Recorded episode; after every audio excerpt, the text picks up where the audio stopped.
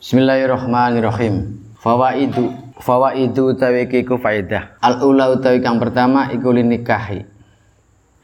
Iku linikahi iku tetep kaduwe nikah. Linikahi iku tetep kaduwe nikah fawaidu utawi ana pira-pira faedah. Wa azamuhu wa azamuha utawi luwi agung-agungnya atau lebih besar-besarnya fawaid iku talabul waladi mengharap anak wa afatun nan pira-pira afat atau bahaya azamuha utawi luwih besar besar afat iku al hajatu hajat. Ila iktisabil harami maring nyambut gawe barang haram.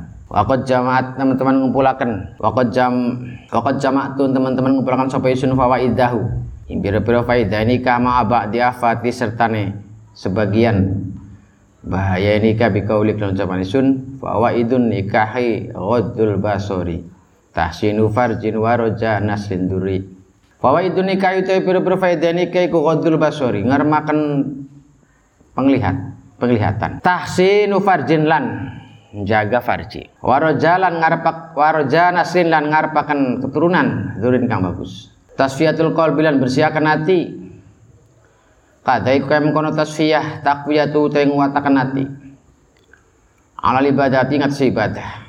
Kadai kaya mengkono-mengkono tasfiyah istirahat istirahatun utawi ngalap ngaso. Minta biril manzil saking memelihara umah. Watakalufilan saking kesusahan. Riyadatun nafsilan ngajari nafsu. Faroi maka ngersa sira waktafilan ngelapat cukup sira walagina lan sumugi aitun halemaning watila ulin sanilan oleh melihat manusia. Aladzi seperkara ya syukuhu kang nyenengaken aladzi ing manusia ilal jinani maring suarga. Afatu tawi bahaya nikah iku ala apes lemah. Atau tidak mampu anil halami anil har alali saking ngasilakan barang halal. Wa an hukukiha lan saking hake hake zaujah. Fi kulli halin dalam tiap-tiap tingkah. Jadi ada faedah yang pertama adalah nikah itu ada beberapa faedah. Faedah yang terbesar adalah manfaat yang terbesar adalah mengharap keturunan. Mengharapkan anak yang banyak ini di natuman yang ada mah.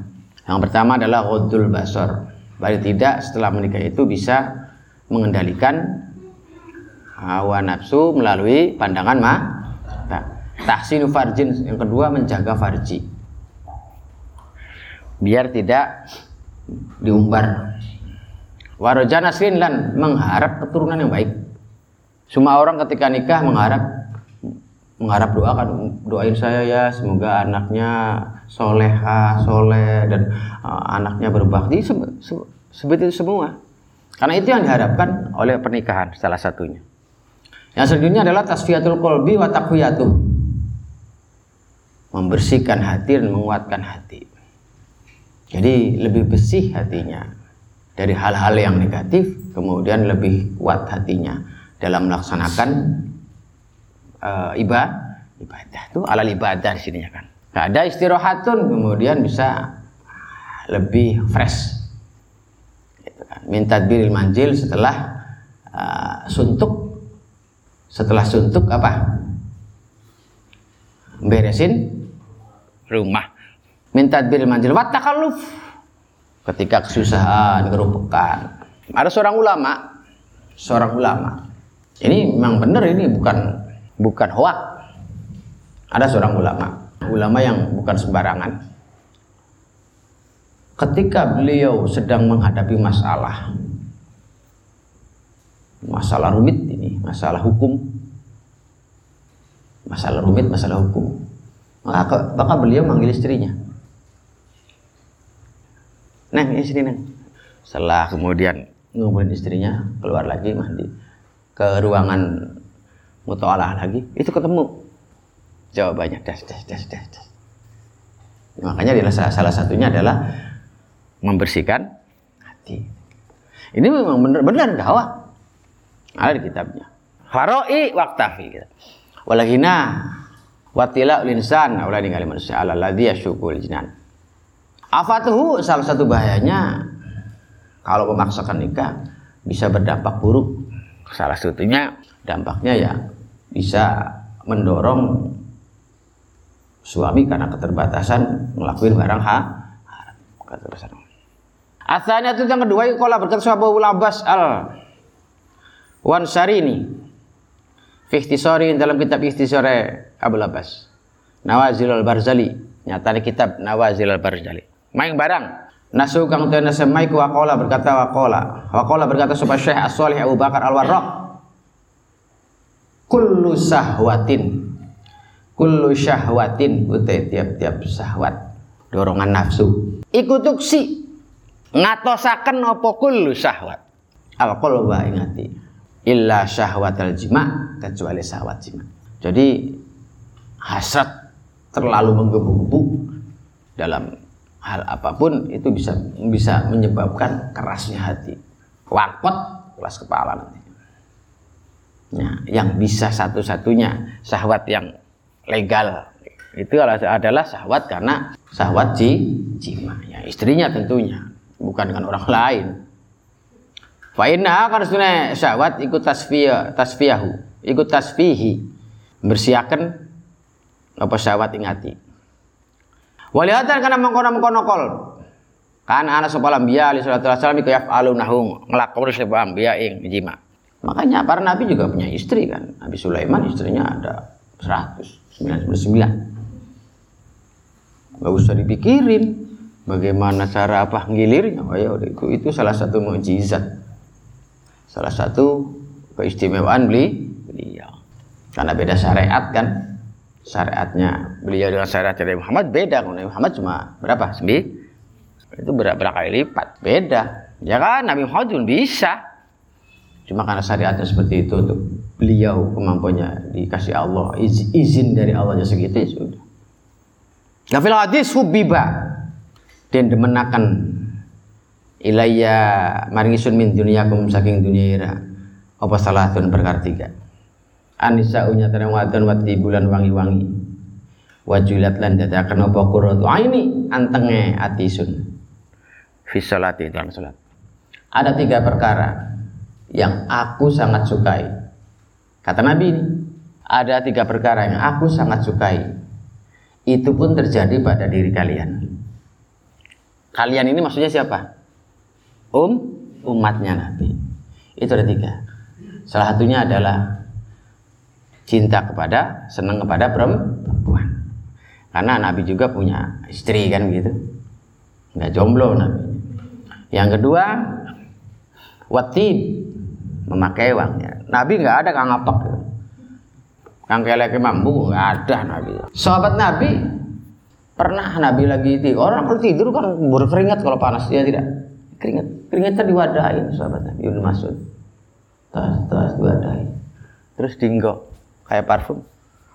Mambu wangi itu kayak keringet kayak seperti parfum aja. Sehingga orang-orang mengatakan wah nabi nabi gimana? Mambu jebol jeli irat ini sih bukan nabi. Kira nggak bisa. Baunya seperti nabi bagaimana? Ceritanya itu ceritanya seperti itu. Memadai keringet nabi. Kemudian merasa tentram ketika melakukan sholat. Asal itu ketiga iku warga maka apa hadisu pira-pira hadis kathiratun kang akeh. Fi fadlin nafaqati dalam keutamaan nafaqoi alal iyali ngatasé keluarga. Bin niati sholihati kelawan niat kang baik wa min halalin saking barang halal. Kala berkata sapa Rasulullah wasallam Inna minadz dzunub istuna iku setengah saking pira-pira dosa dzunubun kana dosa. La yukafiru kang orang lebur ing dzunub apa salatun salat wala saumun ala puasa wala jihadun ora jihad ila sa'ya kecuali. Kecuali kerja. Kalau makna jawabnya illa sa'ya angin lumaku nyambut gawe. Alal iyali. Ingat saya bati. Yang ketiga faedah yang ketiga itu adalah ada beberapa hadis banyak hadis yang menerangkan tentang keutamaan memberi nafkah kepada keluarga dengan tentunya dengan niat yang baik dan benar dan juga dari barang ha, halal. Salah satunya adalah hadis Inna minadz dzunub dzunuban la yukaffiruha salatun wala shaumun wala jihadun. Ada salah satu dosa yang tidak bisa dihapus walaupun dengan puasa, sholat, puasa ataupun jihad. Apa itu dosanya? Yaitu dosa karena tidak memberi nafkah. Tidak bisa ditutup. Paham? Jadi ke sini lah, larinya ke sini. Hati-hati. Aku kama qala atau kaya menghentikan sepan Nabi, kalau berkata sepan Nabi. Man kesepani kana anak iku mana pasal tu banatin. Tiga anak perempuan. Fa nafaqah maka memberi nafkah sepaman. Alaihinna yang sebanat wa asaran bagusi sepaman ilaihinna maring banat hatta yuhni yahunna sehingga nyugiakan sapa wong ing banat eh nyugiakan ing banat ing ya. Sapa Allah Gusti Allah anu saking man au jaba maka majikan majibakan sapa Allah lahu maring man al jannata ing surga ing surga. Albatata kelawan mesti. Illa ya malah angin yang lakoni sapa man amalan kelawan tindakan. Layu faru kang tidak bisa diampuni apa lahu amal? Barang siapa yang punya anak tiga dia didik tiga anak perempuan tadi dinafakoi tiga anak perempuan tadi dengan cara yang baik dia didik dengan cara yang baik sehingga ketiganya sukses. Sehingga ketiganya sukses. Kata Allah kata Nabi lahul jannah. Allah akan mewajibkan orang tua tadi masuk surga. Pasti albat tata pasti. Illa ayya malah kecuali orang tuanya ngelakuin perkara yang tidak bisa diampuni ini pentingnya memberi nafkah. Nafkah. Wa kana Anas bin Abbas radhiyallahu anhu idza ahadasa. Idza ahadasa karena nyeritakan sampai Ibn Abbas di hadal hadis kalau ini hadis kalau berkata Ibn Abbas huwa utawi hadis wallahi demi Allah iku min ibil hadis sangat saking ibil hadis wa gharairilan bagus-bagus hadis wa berkata Nabi afdalu dinarin utawi luwi utama dinar. Yung fiku kang nafaka kan ing dinar sapa rajul wong lanang. Dinarun iku dinar. Iku dinarun dinar. Yung fiku kang nafakon sapa wong ing dinar ala iyali ngatasé keluargane man. Eh, eh rajul. Wa dinarun an dinar. Yunfiku kang nafakon sapa rajul ing dinar ala dabati ngatasé peliharaane rajul fisabilillah ing dalem dalane Allah. Dinarun lan dinar yunfiku kang. Na yunfiku kang nafakon sapa rajulin dinar? Ala sahabi ngetese batu dinar. Saudara-saudara dinar. Ya rajul ya. Fisabilillah sebaik-baik orang.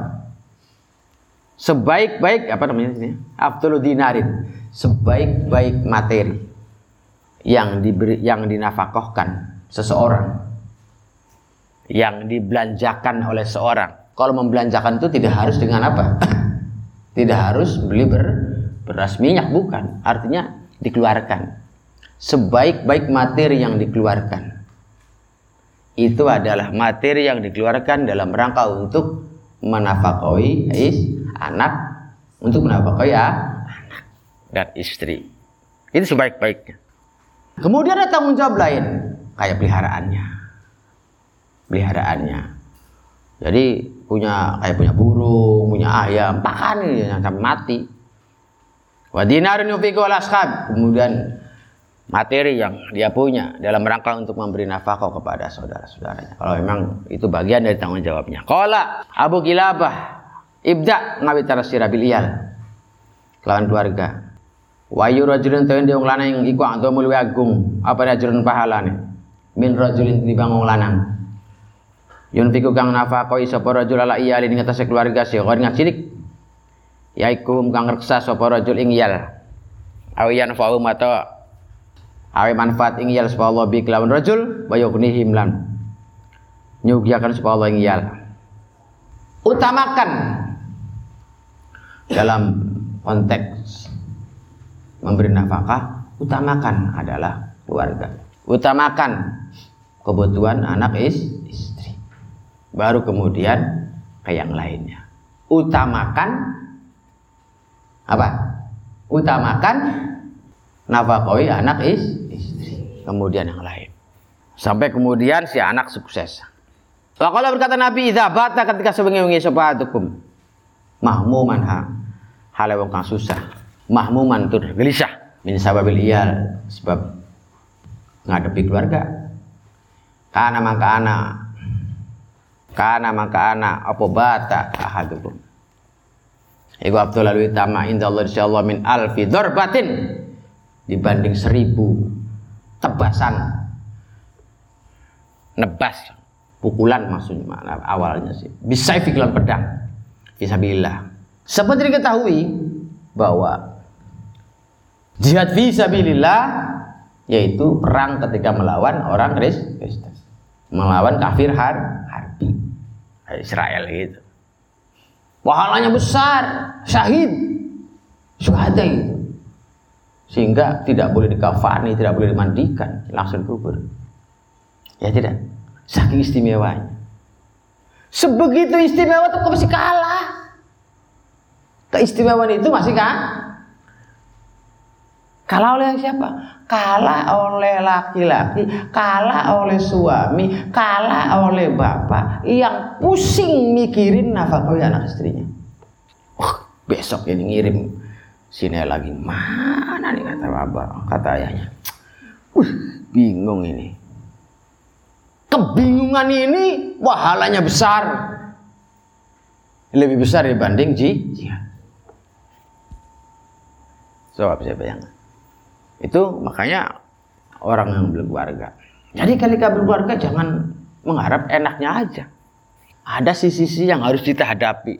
Yaitu fase di mana kita dalam keadaan sedang seperti ini. Ini contohnya lockdown dan seterusnya. Bisa ada pemasukan. Bagaimana caranya? Itu maka apa namanya seorang bapak itu mesti akan meres-meres otaknya dimeres-meres. Bagaimana caranya ini? Bagaimana? Mengirim anak ini ngasih jajan anak ini gimana? Tapi tentunya tanpa melanggar aturan sah. Sumpama kepepet mencuri, nyopet, enggak enggak enggak, enggak begitu. Maka pahalanya gedenya bukan main. Wakala berkata Nabi, Idza anfaqa ketika beri nafkah supaya rajulu wong lanang. Ala ahli ingat sekeluarga rajul, nafaqatan lan nafkah wa huwa halatawi rajul. Iku yahtasibuha gawe karena Allah sapa rajul? Karat mangka ana apa nafaqtu sedekahun sudah pasrah. Ketika memberi nafkah kepada anak istri itu tidak ada hitung-hitung. Karena emang udah tuntutan saya udah itu tanggungan saya. Anak itu tanggungan saya maka saya harus beri nafkah. Maka setiap materi yang dikeluarkan itu dihitung sedekah Berapa kali itu? Hitung aja. Bapak kamu dari mulai kamu melahirkan sampai sekarang berapa kali udah ngasih apa? Berarti berapa kali sedekahan itu? Kan besar banget itu pahalanya. Wakala berkata sama Nabi aliyadul ulia utawi tangan kang dhuwur iku afdalu lil utama min aliyadis sufla dibanding tangan kang isor. Wabda lan ngawitana sira biman kelawan wong taulu kang wajib meliharai sapa sira ummika yaiku ibu sira wa abaka bapak sira kala saudara perempuan wa hoka saudara laki-laki wa kalan sasoraira fadna kama al yadul ulya khairum min minal yadis suf minal yadis suf la. Yadul ulya itu tangan yang di atas. Maksudnya apa? Orang yang memberi pahalanya lebih baik dibanding orang yang menerima ya tidak memberi materi kepada orang lain lebih baik dibanding menerima materi dari orang lain. Tapi ada tapinya. Ada tapinya. Trik memberi menurut aturan syariat itu adalah dimulai dari orang terdekat. Anak, istri, ibu, bapak, saudara perempuan, laki-laki. Dan terus baru kemudian ke orang lain dan seterusnya. Paham ya? Wa bukan sama Nabi, mau tahu perkara anfaqahu kang memberi nafkah ing ma. Sapa rajul wong lanang? Ala nafsi ingat sedeweke rajul wa halilan keluarga rajul wa waladi anak rajul wa di rahimilan kerabat rajul wa qarabati lan kerabat rajul. Iku fa wa maqau tema lu kaduri iku sedekah sedekahun sedekah wa mau barang? Wafa kang jaga bi kelan masuk alamat seorang. Irdahu ing. Harga diri mar'i kutiba maka di kata maka nyatat sapa Allah. Lau kadue mar'i sedekah sedekah wa mau te barang anfa'u kang beri nafkah al mukmin min nafaqatin saking nafkah. Fa inna khalfaha maka suneng ganti nafkah iku Allah Allah. Ta Allah iku dhaminun zat kang nanggung ilama ing barang. Karena kana maiku fi dalam bangunan au masjidil masjid setiap nafkah. Memang nafkah itu memang kebutuhan. Setiap memberikan kebutuhan. Kalau kebutuhan itu untuk dirinya untuk keluarganya untuk anaknya untuk kerabatnya itu dianggap sedekah. Awas lagi ada lagi. Wama wako bihil mar'u irdahu. Barang siapa yang menjaga harga diri seseorang maka dia tercatat oleh Allah dicatat oleh Allah dicatat oleh Allah menjadi amal sedekah. Menjaga harga di artinya jangan mempermalukan orang lah. Ya tidak jangan mempermalukan orang lah. Wa ma anfaqal mu'minu min nafaqatin. Barang siapa yang memberi nafkah kepada orang lain eh wa ma anfaqa mu'minu min nafaqatin. Setiap nafkah yang diberikan oleh orang mukmin yaitu nafkah yang dari awal tadi itu. Fa inna khalfaha Allah maka yang nanggung adalah Allah nanti. Jadi imbalan pemberian nafkah tadi ditanggung oleh Allah Subhanahu wa taala. Wallahu dominun. Ingat Allah adalah zat yang menanggung setiap kebutuhan manusia. Kecuali orang yang ngelakuin masih masih ya. Itu aja udah Wa kalau berkata sama Nabi, "Mamin yaumin orang nautai hari." Yusbiu kang Anjing esuk sapa libat fihi dalam yaum. Ila malakan itu teh malaikat lori pian zilani temurun kedua ya. Fayaqulu maka berkata sapa hadu masalah jadi malakan Allahumma ya Allah iti. Mudah-mudahan beri, memberikan sirah munfikon ing kang memberikan nafkah. Khalfan ing ganti. Wa yaqulu berkata sapa akhul malaikat lain Ya Allah ikti berikanlah mumsikan ing wong kang nahan nafkah talafat ing rusak. Setiap pagi Allah ngutus dua malaikat untuk ngecek tiap-tiap individu manusia. Sudahkah memberi nafkah kepada anak is istrinya? Sudahkah memberi nafkah kepada ibu bapak bapak kan begitu nah, malaikat yang pertama itu doa ya Allah karena dia beri nafkah, karena dia sudah memberikan nafkah kepada Allah. Gantilah pemberiannya tadi. Gantilah pemberiannya tadi. Bisa dengan berbentuk materi, bisa dengan ber, ber, berbentuk keberkah, keberkahan. Malaikat yang satunya ngomong lagi, ya Allah, balaslah orang yang tidak memberi nafkah tadi. Nanti menjadi kebangkrutan, bila dan seterusnya. Begitu. Wa qala berkata sahabat Nabi, Man sabana iku ala. Melihara sapa man. Is, is, ya. Ibnata ini ing dua anak. Perempuan. Au talatan atau tiga. Au ukhta ini atau dua perempuan lor. Dua saudara perempuan. Au talatan atau tiga saudara perempuan. Hatta baina sehingga mati sepeman au yang mutut kesemati sepamat anhuna ninggalakan. Isnatain kuntu anesun anak tegesesun bahubalan man iku fil jannah. Kahata ini kayak jari loro jari-jari loro. Wasal isyara sopan nabi bui kelawan jari-jari nabi asawabati kang jempol. Walatilan jari-ji tali hakang giring-giring alati ing usbu wakan ana lo kotiman apa ajru mujahidin? Kaya pahala wong kang jihad fisabilillah. So iman tur hale puasa iman tur nglakoni ibadah malam. Qalat berkata sampai Imratul Qadan, wa wahidatun nasiji ya Rasulullah. Dan siji ya Rasulullah. Qala jab Rasul wa wahidatun nasiji. Nah gitu.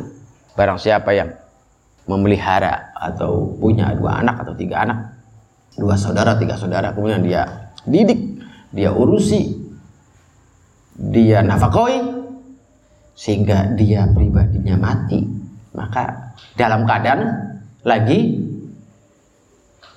nafkahi anaknya mati mati. Padahal anak lagi mondok, mati naudzubillah. Maka kata Nabi, kata Nabi, kuntu ana wa huwa fil jannah. Begini begini tuh. Saya dan dia jaraknya, saking dekatnya. Saya dan dia di surga kelak jaraknya akan dekat sekali. Jadi ini salah satu kelebihan orang yang memberi nafkah nafkah. Wa kana lahu ajru mujahidin dan dia mendapat imbalan pahala sebagaimana pahalanya orang yang jihad fisabilillah. Tidak hanya jihad, dia perang di samping dia ikut perang fisabilillah, dia juga perangnya sambil puasa. Malamnya ibadah, masya Allah. Cukup dengan memberi nafkah. Beli angel-angel, nggak susah, nggak perlu terluka, tertusuk, nggak perlu kempong karena puasa baik kan gitu. Tidak perlu jungkel bengi karena turu bengi. Cukup dengan memberi nafkah karena bapakmu kan kalau malam lelah tidur, malam lelah tidur, nggak masalah. Karena apa? Karena full dari mulai pagi sampai sore, pagi sampai sore itu mengais rezeki untuk menghidupi anak istri. Itu sudah besar pahalanya. Sudah besar. Wakala bukan sunnah Nabi. Innal ma'unata karena sudah pertolongan. Ikut takti datang apa ma'unah. Min Allah sing Allah. Ala qadril mu'nati ngatase kadar susah. Susah biayai. Wa inna sabra sudah sabar iku yati tekau pesabar. Min Allah sing Allah ala qadril bala. Ngatase sekadar bala. Wa awalu mau tawi kawaitane perkara yudau kang diletakaken mak, letakaken mah fi mizanil abdin dalam timbangan amal hamba. Yaumul kiamat dalam kiamat iku nafaqatuhu nafaqoe abad. Nafaqoe memberi nafaqohnya abad ala ahli keluarga abad. Kenapa? Sebab inna innal maunah ta'ti minallah ala qadril ala qadril mu'nah. Karena sebetulnya pertolongan Allah itu akan datang. Pertolongan Allah turun disesuaikan dengan kadar susah susahnya, kepayahannya, ke kalau tingkat payahnya, nah, makanya sedikit maka ya sedikit. Kalau tingkat payahnya besar, maka pertolongan pun akan besar. Itu begitu. Wa inna sabra ya'ti minallah laqadril bala. Sedang kesabaran. Wa inna sabra ya'ti minallah sebab uh, imbalan orang yang sabar itu akan turun, akan datang dari Allah melihat tingkat balanya. Melihat tingkat musibah yang diterima. Kalau besar musibah yang diterima, maka tingkat imbalannya itu besar. Tapi kalau kecil ya kecil. Itu begitu aja. Tapi ingat, ini yang harus digaris bawahi. Wa awwalu ma yutofi mejal abdi yaumil qiyamah nafaq. Dalam timbangan amal yang pertama kali akan dimintai yang yang yang, yang pertama akan menjadi sorotan kelak di hari akhirat, di hari kiamat itu adalah tentang bagaimana dia menafkahi anak is. Ingat. Paham ya? Jadi tidak semudah itu kawin mah gampang.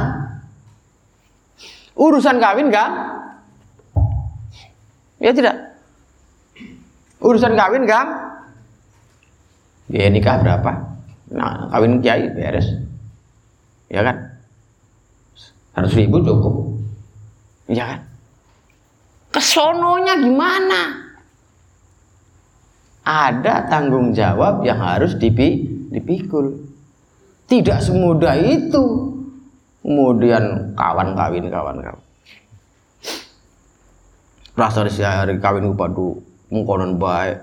Ada. Kamu harus paham itu Wakala pesan sama Nabi, idza kasurat. Ketika akeh. Apa dzunubul abdi? Pira-pira dosa hamba. Ibtalahu maka nyoba ing abad sapa Allah Gusti Allah bil iyali kelawan keluarga. Liyaghfirha karena arep ngampuni sapa Allah ing abad eh ngampuni sapa Allah ing dzunub. Lawung maring abad. Jadi ingat laki-laki. Ah laki-laki dengar. Jika dosamu besar maka Allah tidak akan serta-merta kemudian langsung menghapus dosa-dosamu. Tidak. Tidak. Tapi apa tapi Allah akan mengujimu dalam rangka supaya dosanya dihapus. Caranya bagaimana? Allah akan mengujimu dengan kondisi anaknya. Dengan keluarganya. Ya tidak? Kondisi lockdown, luru kerjaan angel, luru duit angel, anaknya mondok kabeh telu. Bisa dibayangkan? Ya tidak? Bisa dibayangkan. Liyang firohalahu supaya Allah apa? Supaya Allah mengampuni dalam rangka Allah akan mengampuni dosa dosa-dosamu. Jadi jangan ngeluh. Tidak perlu ngel dan tidak boleh ngeluh. Sadari itu, pahami itu karena itu adalah bagian dari tanggung jawabmu sekaligus bagian dari apa yang dijanjikan oleh Allah melalui Rasulnya. Loh, jadi tidak semua dosa itu kemudian serta merta terhapus tidak semua. Ada yang memang langsung dihapus, tapi terkadang dosa itu dihapus melalui apa uji kompetensi dulu atau barangkali begitu melalui tes melalui semester dulu gitu kan Bagaimana apakah dia layak diampuni atau tidak? Di situ nanti. Nah, paham ya. Wa qala sama Nabi inna Allah sunna Allah yuhibbu cinta sapa Allah. Al abda hamba al muta'affifa kang terjaga abal iyali kang dua keluarga. Allah menyukai, Allah mengasihi, Allah cinta, Allah senang Allah demen terhadap hambanya yang kondisinya pas-pasan tapi punya keluarga. Gitu loh. Kondisinya sih pas-pasan tapi punya keluarga. Kasarnya ngomong buat nafkah diri sendiri aja su ditambah dengan nafkah istrinya, nafkah anaknya. Tapi dia berusaha terus. Tidak berhenti berusaha. Seperti orang tua kalian. Dengan jalan dengan cara bagaimanapun orang tua gigih mencari mata pencaharian dalam rangka untuk memberi nafkah anak istrinya dalam rangka untuk membeli nafkah anak-anaknya. Kan gitu. Kegigihan itu akan terbayar oleh jaminan dari Allah. Seperti itu. Jadi jangan jangan apa jangan kemudian memandang sesuatu dari depannya saja tanpa melihat barangkali sisi dalamnya. Kawin gampang kawin. Dalamnya bagaimana lah? Ini harus dipelajari. Ada nafkah lahirnya, ada nafkah batin. Ini dan seterusnya dan seterusnya dan seterusnya yang harus dipahami oleh kalian. Apa ini kemudian beristri lebih dari satu. Boleh dia terlalu siji kangelan ya tidak. Satu aja kesusahan mau tiga. Satu dulu jangan sampai awas sekali lagi. Jangan latah paham ya? Janganlah jangan latah. Ingat jangan latah. Wa in khiftum alla ta'dilu fawah ini yang harus digaris bawah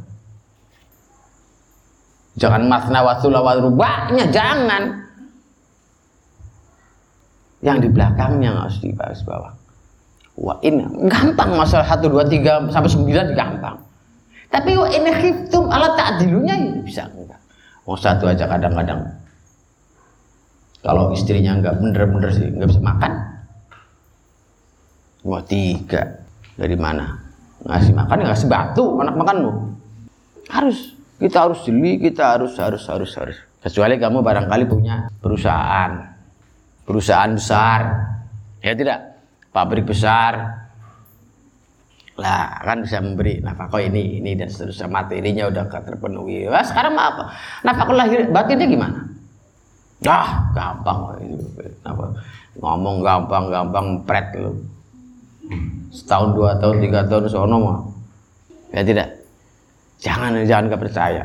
Udah. Itu sudah agama Al-Qur'an sudah kasih warning. Sah-sah saja kalau mampu. Sah-sah saja. Tapi ingat, wa in itu jangan sampai kemudian dengan semudahnya gitu. Kalau mau udah cerai saja. Yang pertama cerai udah. Kawin lagi satu. Sudah satu terus. Sehingga tanggung jawab akan lebih besar. Ya tidak, sifat adilnya akan susah.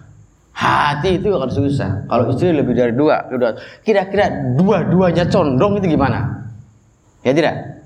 Kira-kira si A kecintaan kamu suami kepada si A dengan kepada si B sama? Nggak bisa. Hati itu nggak bisa, nggak bisa di apa? Nggak bisa dibohongi. Susah itu. Paham ya? Nah, makanya saya lagi makanya jangan uh, terlalu gampang. Jadi artinya agama tidak semudah itu loh. Wah, agama Islam mendiskreditkan barangkali ya tidak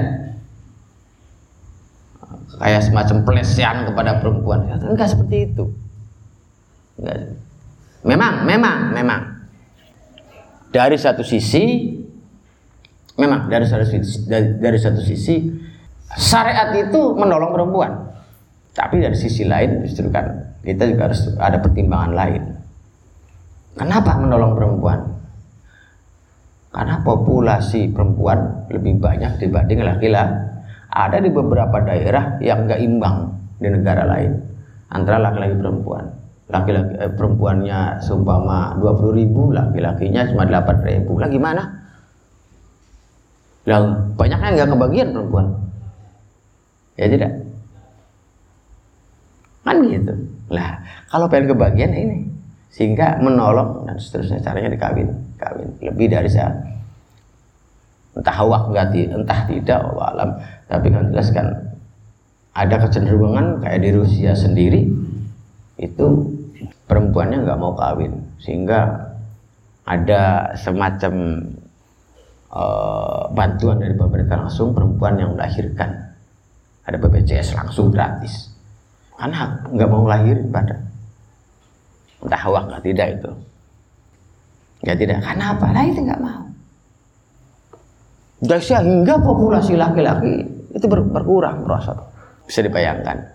Kalau satu laki-laki satu perempuan berapa perempuan yang jomblo? Laki-laki punya pasangan semua. Laki perempuan yang jomblo berapa? Wah banyak jutaan nanti. Lah kamu kebagian enggak pilihannya mau jomblo apa mau jadi istri yang kedua?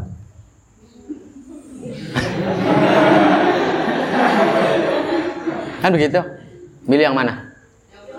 Eh milih jomblo. Ya udah kalau milih jomblo mah Mau diaminin?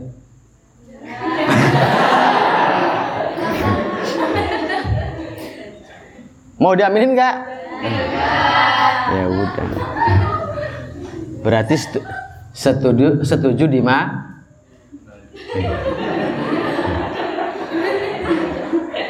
Kurang nggak mau sih?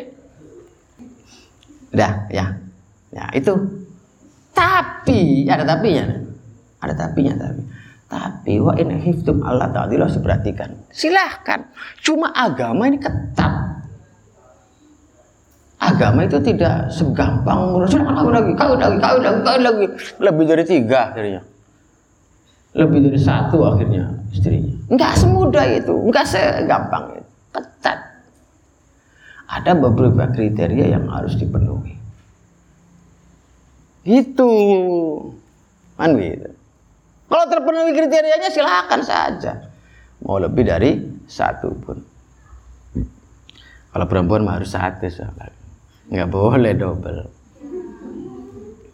Mau kamunya?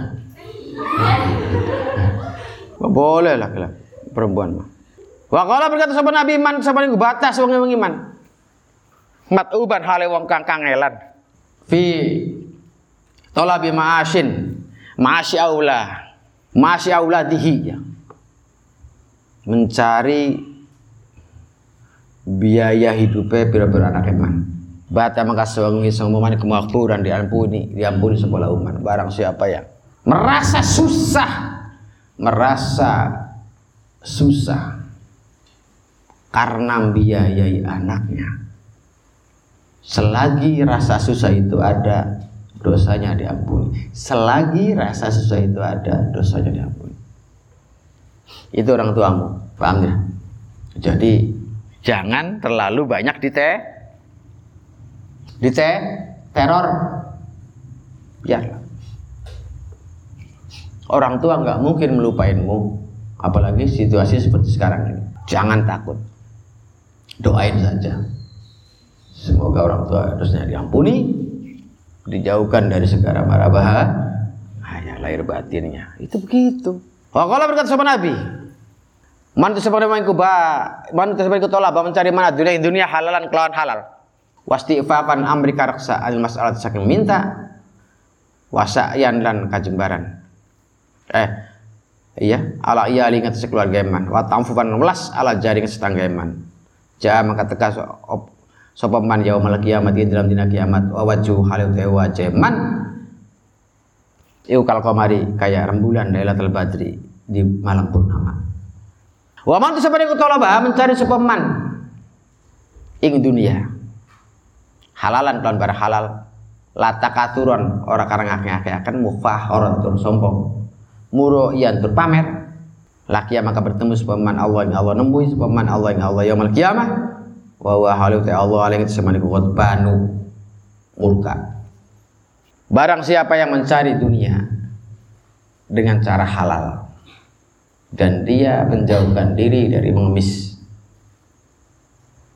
dan dia membiayai keluarganya dan dia watafufan dan dia peka atau apa namanya uh, ta'afuf dia menghargai menghormati kemudian uh, memberi toleransi kepada tetang tetangganya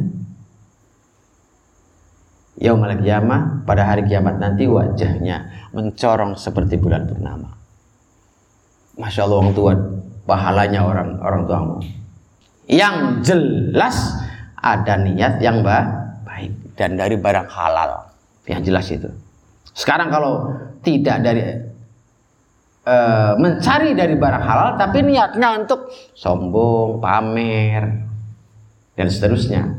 Maka dia ketika bertemu dengan Allah, Allah dalam keadaan murka. Orang tuamu bertemu Allah dalam keadaan Allah mur. Ini dari barang halal. Orang tua nyari duit dengan barang ha, tapi niatnya untuk pamer, untuk ria, untuk sombong dan seterusnya. Sekarang bagaimana kalau dari barang ha? haram lebih-lebih? Mencari harta dunia, mencari barang dunia itu tercela. Orang tasawuf, orang sufi. Tapi ingat, ya, man tolabat dunia li ajli ma la buddha lahu laisa lahu apa namanya minta uh, barang siapa yang mencari harta dunia tapi niatnya karena memang dia mau memberi nafkah. Itu tidak termasuk dalam kategori itu. Kategori apa?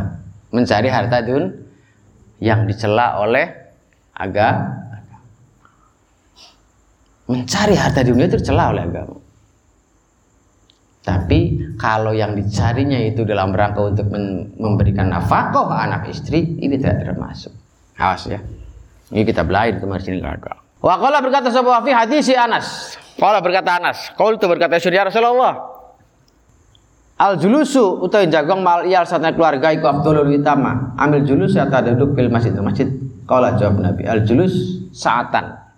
Utawi jagong saatan sejam malayar satu keluarga iku ahabul disukai ilayya menurut isun minal itikaf dibanding itikaf fi masjidi dalam masjid itu masjid isun hada ikilah masjid Madinah Kala berkata Anas, kul itu berkata ya Rasulullah, an nafaqatu. Utai nafaqah. Kalau ia ngasih keluarga iku habbu disukai ilai gaman Tuhan. Amin nafaqah. Apa itu nafaqah fisabilillah.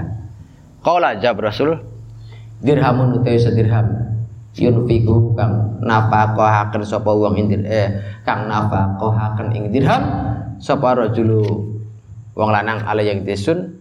Ala iya li ngatas keluargae. Rajul iku ahabu lebih disukai. Ilayya manusia min alfi dinarin dibanding seribu dinar. Yunfikuhu kang nafaqo rajul ing alfi dinar fisabilillah. Ingat nih sahabat Anas pernah bertanya al julus mal afdolu amil julus fil masjid? Ya Rasulullah. Ngerumpi dengan keluarga. Lebih baik mana ngerumpi di keluarga dengan duduk di masjid? Kata Rasul ngerumpi dengan keluarga sejam saja. Maliyal ahabbu ilayya lebih disukai kata Nabi dibanding iktikaf di Masjid Madinah ngobrol kalau gitu bapaknya ibunya anak-anaknya gitu ya tidak Cuma begitu doang. Ya tidak. Maka ada kalanya ada kalanya seorang kiai itu kadang-kadang sama keluarga ngeriuk dan seterusnya itu dalam rangka itu. Jadi nggak bisa kita mengeluhkan kiai kadang-kadang kiai nggak kelihatan di masjid. Tapi kok hebat sekali kiai. Lah kadang-kadang kiai kan dengan ilmunya, dengan ilmunya beliau bisa memiliki ibadah yang melebihi ibadahnya kita yang terba terbatas keilmuan itu karena ada beberapa rahasia yang dimiliki kemampuan memahami pemahaman keilmuan yang dimiliki yang yang dimilikinya yang tidak dimiliki oleh kita seakan-akan kita ya itulah zaman sekarang ini seakan-akan itu islami bahasanya islami masjid Jumat nggak boleh, ini nggak boleh. Padahal sudah jelas ada ulama yang mengatakan karena zaman sahabat Abu Bakar pernah terjadi. Mati urusan itu mati di tangan Allah betul. Makanya kata sahabat Abu Bakar ketika ada ketika beliau lagi pergi ke negara Sam di tengah jalan beliau itu ada info bahwa di sana itu ada wabah membahayakan. Ada dua kubu, muhajirin dan ansor. Ini beda pendapat. Ada yang mengatakan langsung aja karena hidup mati ada di tangan Allah. Ada yang mengatakan jangan karena wabahnya bahaya. Akhirnya pihak ketiga lah yang ditanya, yaitu golongan Nasoro orang Kristen. Kalau kata kamu gimana? Ya khalifah kalau kata saya mendingan mundur. Sepenting apa pun mundur karena ini berbahaya, mengancam keselamatan jiwa. Baiklah, karena seperti itu kita put saya putuskan kita mundur. Kata sahabat Umar, itu kan, ya apa namanya? Ya khalifah, sampean kok mundur? Iya. Kita menghindar dari takdirnya Allah menuju takdirnya Allah. Kan gitu. Jadi bukan takut. Bukan. Masuk ke zona merah takdirnya Allah mati. Keluar menghindar dari zona merah takdirnya Allah juga kemudian ada seorang sahabat lagi maksud yang mengatakan bahwa nah, kata ada ada sebuah hadis pernah mendengar Nabi ngomong katanya jika di dalam satu daerah terjadi wabah maka jangan masuk ada hadisnya Ya sudah kalau seperti itu, sahabat Umar tegas kita mundur. Kamu mundur. Lah seperti itu kan? Ya tidak. Lah sekarang kemudian digoreng karena urusan politik kitanya yang terbawa harus. Janganlah. Udah kita saman watuatan kepada ula, kepada Kiai NU sudah. Udah ada pak. Tunduk patuh aja udahlah. Udah paham ya? Intermezzo saja. Wakala berkata sama Nabi inna fil jannah. Setelah tetap dalam surga la urupan atau anak. Tempat. Yuri akan bisa dilihat apa zahiruha? Luare huruf. Min batiniha saking jeroe huruf wa batin walan. Bisa dilang apa batinnya huruf min zahiriha saking luare Qala kila diucapkan. Wa mana niku sapa sukan wa utawi kang menempati tempat. Ya Rasulullah qala jawab Rasul alladzina yaku wong yaiku ngakeh yat yut imunaka memberi makan. Alladzin atau amai panganan. Wa yutibuna lan bagus kan alladzin al kalami ngomong. Wa yudimuna lan kang ngelanggengi alladzin siap wa yufsauna lan kang masyhura kan alladzin assalam. Wa yusalluna pada salat alladzin bil lail. Wan nasu kalau tiap manusia iku pada turu ai al yahud wan nasara wal majusi. Ada di surga itu tempat yang transparan. Transparan. Mewah megah. Kemudian ada seorang sahabat yang nanya ya Rasul siapa yang menempati tempat ini? Kata siapa? Kata kata sahabat tadi. Rasul jawab alladzi yut'imuna tu'am orang yang memberikan maka bisa memberikan makan kepada orang fakir, bisa memberi makan kepada orang miskin, bisa juga memberi nafkah, nafkah. Paham? Kemudian wayutibun al orang yang kalau ngomong enak, enggak gegabah, enggak gerasa gerusu, enggak omongannya omongan yang kasar. Wayutimun asyam, orang yang ngelanggengin buah puasa. Wayufsaul salam, orang yang biasain ngucapin sa salam. Wa yusalluna billail orang biasa sholat ma malam. Wan nasu wan nasu ya. Padahal manusia pada saat itu orang-orang pada saat itu lagi tidur. Maksudnya orang di sini bukan orang muslim lain bukan. Wan nasu ya. Maksudnya orang-orang lagi pada tidur itu bukan orang muslim lain yang tidak taat bukan. Tapi yang dimaksud sini adalah Yahudi, Nasara, dan Majusi. Bangkitlah untuk sholat malam. Sholat malam padahal agama lain keyakinan lain lagi berarti tidur. Kita mau bangkit. Itu maksudnya pengertiannya mungkin seperti itu. Jadi bukan berarti orang muslim lain lagi udah tidur kita mau bangun. Tidak. Ai di sini kan ada keterangan. Maksudnya siapa yang diam itu maksudnya siapa Anas di situ maksudnya siapa? Maksudnya Anas itu al Yahud, wan Nasoro, wal Majus. Nah, sehingga inilah keistimewaannya salah satu keistimewaannya orang yang memberi nafkah di antara beberapa keistimewaan di antara banyaknya keistimewaan yang diberikan oleh orang yang memberi nafkah sehingga bangkitkan orang tua untuk semangat memberi nafkah jadikan pelajaran untuk kalian kelak ketika jadi pemimpin rumah tangga, imam rumah tangga yang bertanggung jawab. Ya tidak, yang bertanggung jawab. Jangan pernah sedikit pun melupakan memberikan nafkah, nafkah. Didik anak dengan sebaik-baik, didik anak dengan sebaik karena cikal bakal anak itu bisa terlihat dari sejak di dini. Anak kalau sejak dini itu senang dengan ketaatan, maka itu tanda baik untuk masa depan. Itu karena dalam kitab eh, apa namanya? Fawaidul Mukhtarah itu ada. Dalam kitab Fawaidul Mukhtarah itu ingin mengetahui karakter seorang itu bisa dilihat dari sejak kecil.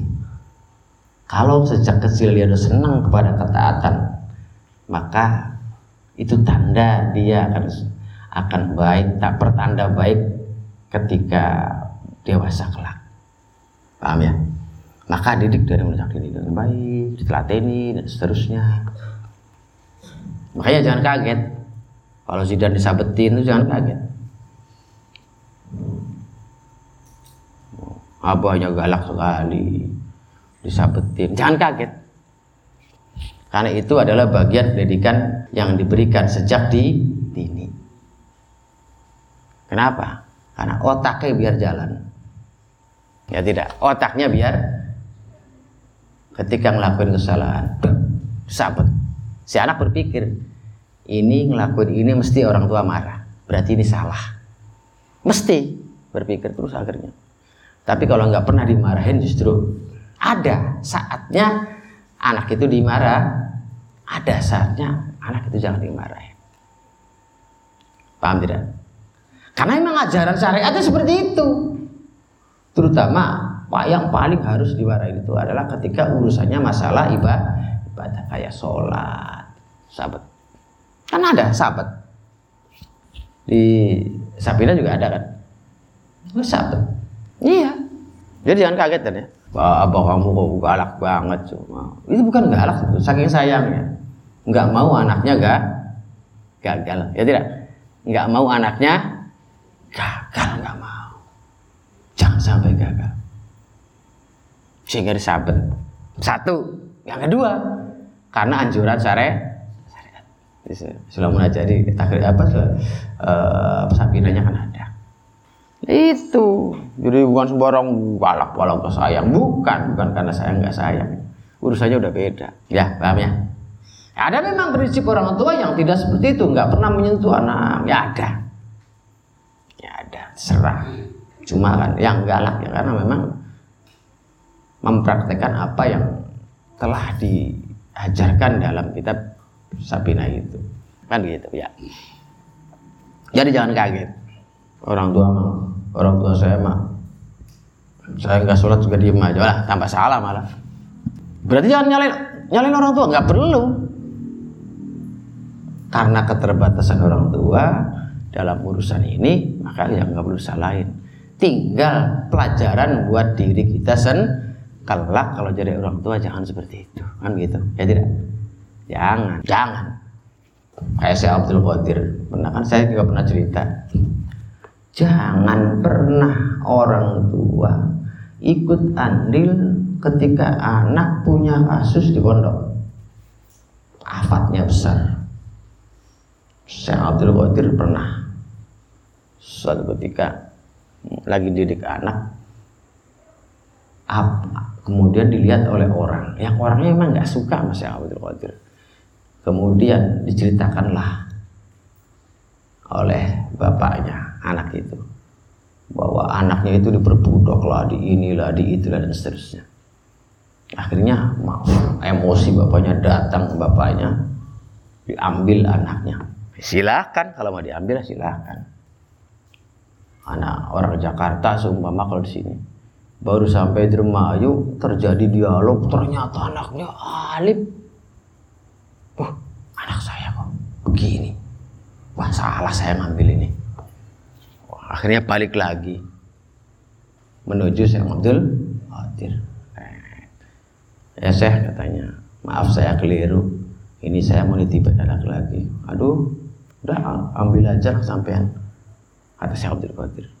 Kenapa? Karena di loh mahfud anakmu udah dicoret dari futuhnya keberkahan ilmu. Naudzubillah thumma naudzubil. Karena kesalahan dan keteledoran orang tua sehingga apa anak yang dirugi. Paham? Jadi jangan pernah kalian sebagai seorang anak juga sampai kemudian mengadu domba antara orang tua dengan guru jangan pernah. Berkahnya kamu yang hancur nanti. Paham ya? Jangan pernah. Jangan pernah. Karena keberkahannya yang nanti akan pupus. Hilang. Percuma mondok bertahun-tahun juga orang tua diakalin begini begitu di seterusnya. Yang kira-kira pokoknya nggak mondok. Gimana sih? Akhirnya orang tua marah. Nah keberkahannya ini yang hilang. Paham semua? Ya itu hati-hati. Kita harus kendalikan. Belajar mengendalikan diri. Kita belajar sabar belajar tawakal belajar pasrah belajar belajar banyak harus belajar mudah-mudahan terbuka untuk kalian yang bisa bersabar dibukakan dimudahkan oleh Allah Subhanahu wa taala. Allahumma Al-Fatihatur Rabiah. Al-Fatihah.